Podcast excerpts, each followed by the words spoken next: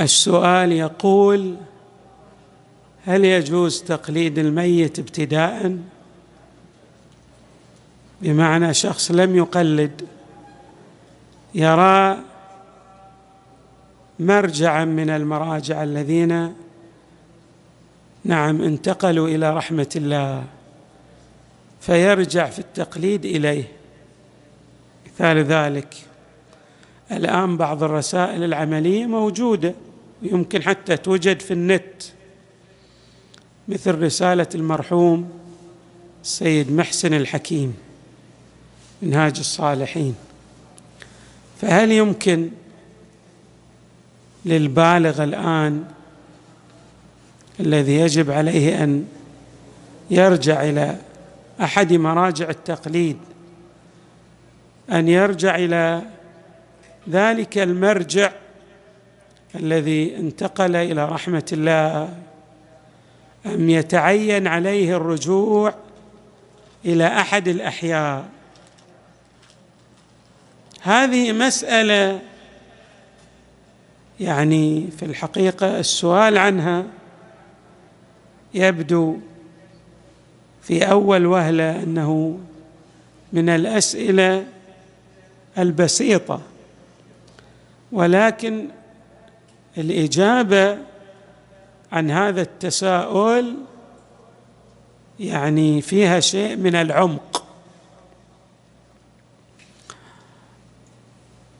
سأفصل بشيء من البيان في هذه المسألة.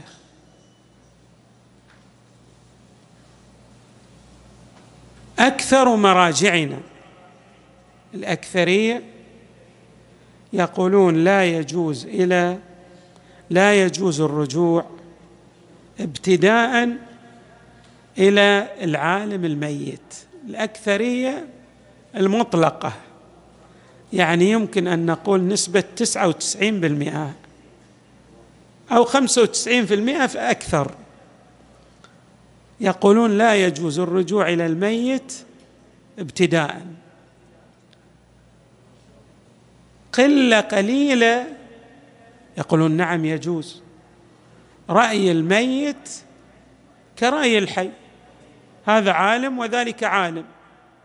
بالتالي لو كانت فتاواه مدونة كما ذكرنا مثالا سيد الحكيم صاحب المستمسك من الفقهاء الكبار فتاوى مدونة يقولون لا بأس بالرجوع إليه. قلة من العلماء يرتئي هذه المسألة. يعني لو أردنا أن نعدد العلماء نشوف يعني قلة بسيطة جدا من الذين يجيزون الرجوع إلى الميت ابتداء. أما الأكثرية المطلقة فلا تجيز الرجوع إلى الميت ابتداء. بل ادعى جمع من علمائنا أنه يوجد إجماع يعني أن الفرقه المحقة. علماء أهل البيت يقولون إنه لا يجوز الرجوع إلى الميت ابتداء إجماع. طبعا هذا الإجماع منقول. من كثير من العلماء. والسيد الحكيم الذي ذكرناه يعلق على هذا الإجماع فيقول هذا الإجماع وإن يعني لم نتأكد إنه من كل عالم عالم ولكن الناقلين لهذا الإجماع من جهابذة العلماء. من أكابر علمائنا.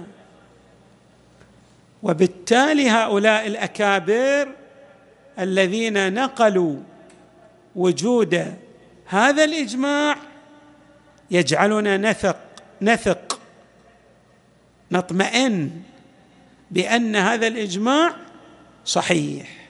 هذا رأي من؟ السيد محسن صاحب المستمسك. يعني يؤيد وجود إجماع على عدم جواز الرجوع إلى الميت ابتداء ابتداء لا يجوز الرجوع. عند الكل. عندنا مسألة يعني تنبثق عن هذه المسألة. إنسان لو رجع إلى أحد العلماء ثم مات هذا العالم مات هذا العالم هل يجوز له البقاء على تقليده؟ أم لا يجوز له؟ قسم كبير من علمائنا وهو الرأي المشهور أنه حتى البقاء على تقليد ذلك الميت لا يجوز. اذا الرأي المشهور عند علمائنا ليس فقط جواز الرجوع إلى الميت ابتداء لا يجوز. بل البقاء على تقليد الميت لا يجوز بمجرد أن يموت ذلك الفقيه العالم. ولو كان أعلم العلماء لو كان أعلم العلماء يجب على من رجع إليه أن يعدل في تقليده ويرجع إلى فقيه حي. هذا هو المشهور.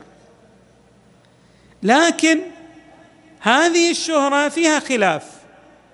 يعني عندنا قسم من العلماء يقولون لا. في مسألة البقاء على تقليد الميت هذه ما عليها إجماع. لو مات ذلك الفقيه يجوز البقاء على تقليده.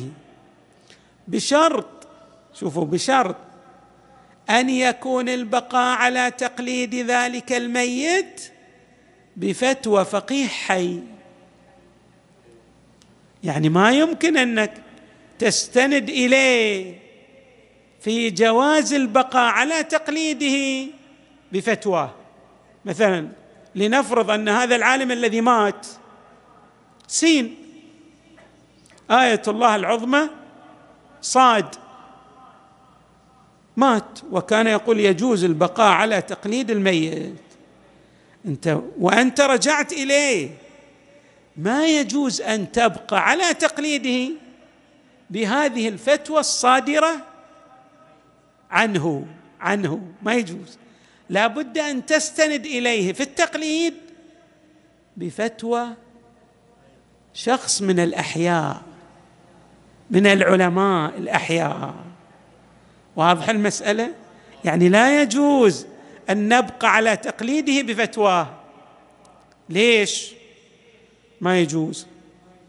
لأنه واضح بعد أن مات قلنا المسألة هي مورد خلاف جواز البقاء. فما هو المصحح للبقاء على تقليده؟ نحتاج إلى دليل يوجب الاطمئنان. الأدلة التي توجب الاطمئنان جواز تقليد واحد من الأحياء.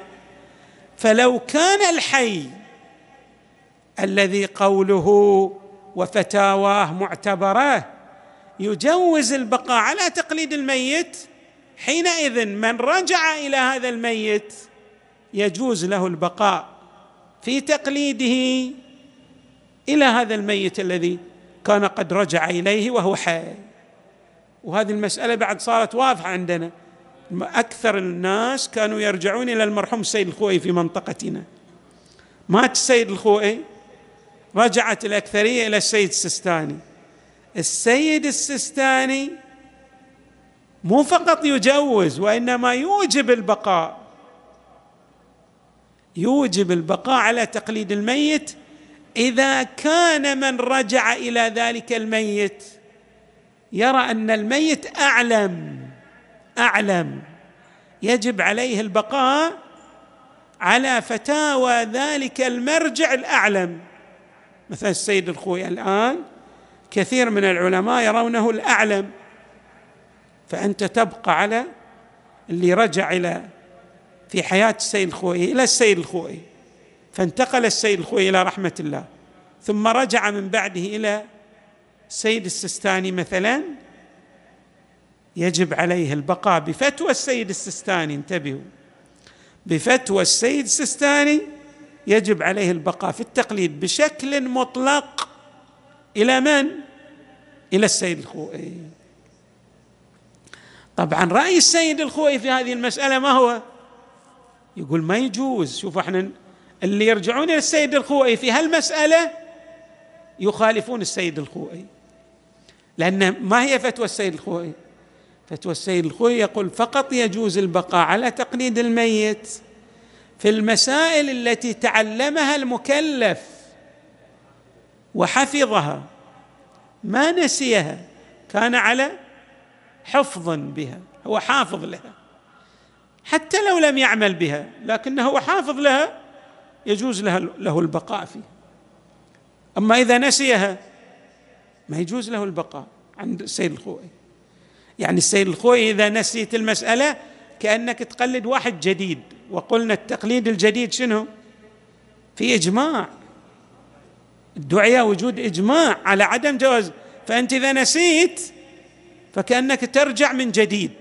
يقول فقط المسائل التي تعلمها المكلف وحفظها فيسوغ له البقاء على تقليد الميت فيها. أما السيد الثاني يقول مطلقا بل يجب إذا كان أعلى. طبعا هذه مسألة الأعلمية. أيضا نحتاج أن نلمح. الذين يقولون لا يجوز البقاء على تقليد الميت قلنا بعضهم قال مطلقا لا يجوز. بعضهم خصص قال إلا إذا كان الميت أعلم. فيجوز البقاء على تقليده لمن رجع إليه. يعني فقط هذا الاستثناء بهذه الدائرة المحدودة. بهذه الدائرة المحدودة الضيقة كما نعبر.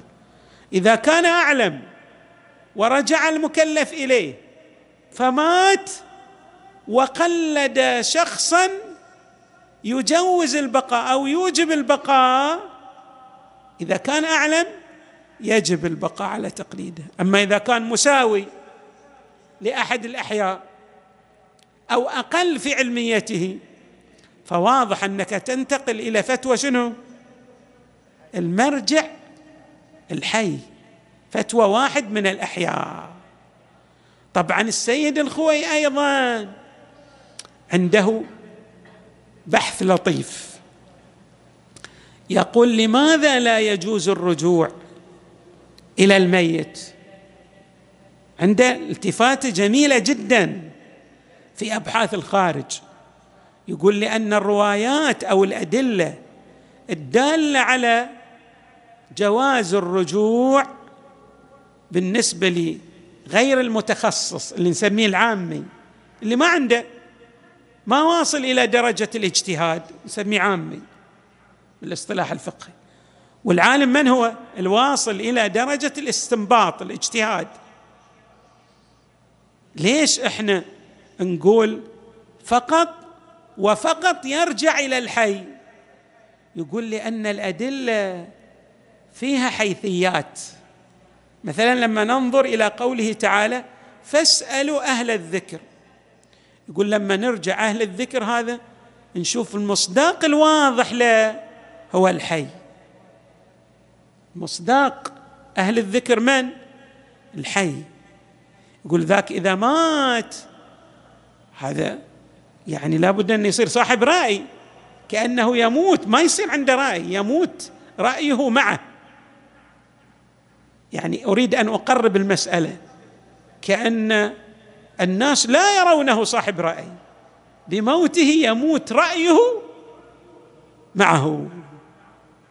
كذلك يقول ما يصدق عليه الفقيه بعد موته. الفقيه الحي يقول هناك حيثيات ذكرت في الروايات أو الآيات التي استدل بها مصداقها الحقيقي الواضح هو الفقيه الحي.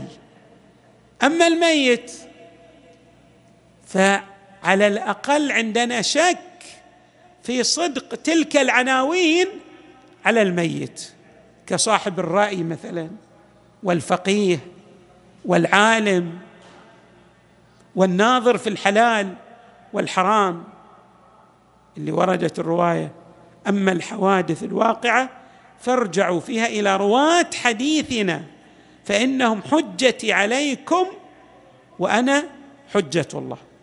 يقول طبعا إحنا من من الذي رأيه حجة؟ القدر المتيقن كما نعبر هو الفقيه الحي. الفقيه إذا كان حيا. أما الفقيه بعد أن يموت عندنا شك في حجية فتاواه والاستناد إليه. من الذي يرفع هذا الشك؟ يعني يصحح لنا الرجوع إليه؟ الفقيه الحي. إذا أجاز الفقيه الحي لمقلديه أن يرجعوا إليه إما يجيز في المسائل التي مثلا عملوا بها أو التي عملوا بها بعد وحفظوها أو مطلقا مثل السيد السيستاني حينئذ يصح الرجوع إلى ذلك الفقيه. أما إذا كان الفقيه الحي أو ولا واحد من الأحياء يجوز الرجوع إلى ذلك الفقيه الميت. تسقط فتاوى عن الحجية والاعتبار. تبقى بس كرأي علمي. أما يجوز لل... لشخص أن يعمل بها ما يجوز. ولذلك إحنا عندنا رأي مشهور. قلت مشهور بل كاد أن يكون اجماعا. حتى السيد الخوي السيد الخوئي السيد الحكيم رحمه الله صاحب المستمسك قلنا يؤيد هذا الإجماع كما ذكرنا. يعني الرأي المشهور ماذا يقول؟ يقول إن فتاوى هذا الفقيه بمجرد أن يموت تسقط عن الاعتبار. لا بد من الرجوع إلى شخص إلى فقيه حي. وهذا الرأي كان يعني بنحو مطلق دون تفصيل بين كون هذا الذي مات أعلم أو غير أعلم. حتى لو كان أعلم العلماء لكنه مات المشهور كان في القديم شنو؟ تسقط فتاوى عن الاعتبار. حتى لو كان أعلم العلماء. مع أن قلنا المسألة فيها خلاف. في قلة يقولون لا لو كان أعلم العلماء هذا يجوز البقاء على تقليده. والسيد السيستاني يقول بل يجب البقاء على تقليده. والمشهور يقولون لا يسقط حتى لو كان أعلم العلماء. فتاوى تسقط عن الاعتبار فلا يجوز الرجوع إليه. والخلاصة إن الفقيه الميت لا يجوز الرجوع إليه ابتداء إلا بالرجوع إلى فقيه حي نتيقن بحجية فتاواه ككونه مثلا الأعلم. يجيز لنا هذا الفقيه الحي الرجوع إلى فتوى ذلك الفقيه الميت. إما مطلقا كما هو رأي السيد السيستاني يحفظه الله أو في المسائل التي تعلمها المكلف ولم ينساها كما هو رأي من؟ السيد الخوئي تغمده الله بواسع رحمته. اذا الاحتياط لو كان المكلف مثلا يريد أن يحتاط لدينه ما يقول أنا؟ نعم الآن أشوف مثلا السيد الحكيم كان من الفقهاء الكبار وفتاوى موجودة في النت أنا يجوز لي أرجع إليه. حال حال غيره من الفقهاء مثلا أقصد السيد محسن صاحب المستمسك أو يشوف مثلا رسالة عملية مثلا للسيد البروجردي رحمه الله وهو أيضا من أعاظم الفقهاء أو رسالة وسيلة النجاة للسيد أبي الحسن الأصفهاني أو غير هؤلاء الجهابذة. من العلماء اللي لهم رسائل عملية موجودة. مثل السيد الإمام رحمه الله عنده أيضا تحرير الوسيلة. فهل يجوز الرجوع إلى آراء هؤلاء الفقهاء العظام الذين انتقلوا إلى رحمة الله؟ ما يجوز. ما يجوز إلا برأي فقيه جامع للشرائط نتيقن بحجية فتاوى لكونه مثلا الأعلم يجوز لهذا المكلف. وقلنا متى يجوز للمكلف؟ في حالة محدودة دائرة ضيقة. إذا كان هذا المكلف قد رجع إلى ذلك الفقيه. وهنا بعد اختلاف قلنا. بعضهم يجوز مطلقا كالسيد السيستاني بعضهم يجوز في دائرة محدودة كالمرحوم السيد الخوئي يرحمه الله. اذا اتضح نقدر نقول بادئ ذي بدء. الرجوع الابتدائي لا يجوز. الرجوع الاستمراري فيه تفصيل. بعضهم يقول مطلقا بل يجب البقاء كالسيد السيستاني. بعضهم يقول في المسائل التي تعلمها ولم ينس هذه المسائل.